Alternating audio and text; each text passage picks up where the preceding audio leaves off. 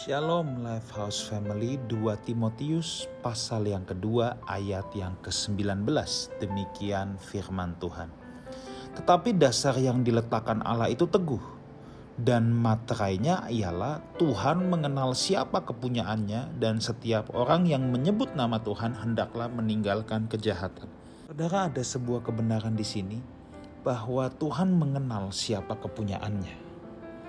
Tuhan tahu persis siapa yang adalah umat kepunyaannya.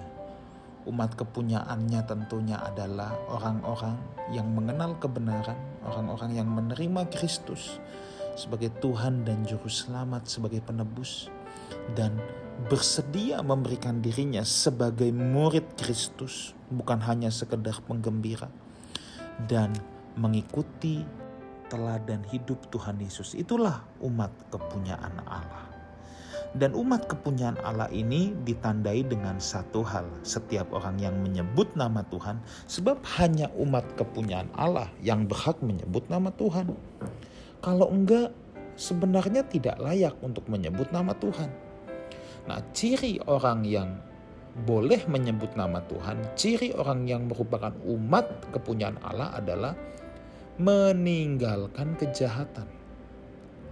Bukan hidup dalam kejahatan, tetapi meninggalkan kejahatan. Nah, ini satu ironi.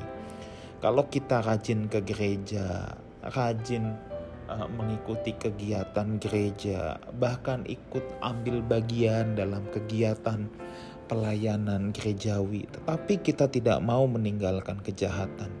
Kita betah hidup dalam kejahatan. Ini aneh, saudara. Ya. Jangan-jangan kita belum menjadi umat kepunyaan Tuhan.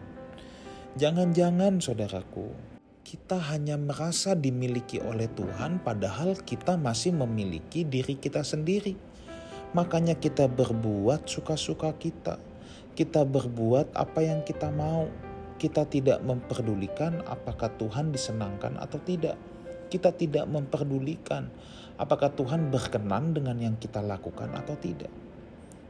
Di sini saudara kita sangat memerlukan permenungan. Umat kepunyaan Tuhan artinya orang yang hidupnya dimiliki oleh Tuhan. Saudara terhadap barang-barang yang saudara beli dengan harga mahal, saudara pasti kita punya naluri protektif. Ya, pasti kita punya naluri protektif. Coba bayangkan Tuhan membeli kita dengan apa? Bukan dengan emas perak, bukan dengan barang fana. Tuhan beli kita dengan darahnya sendiri.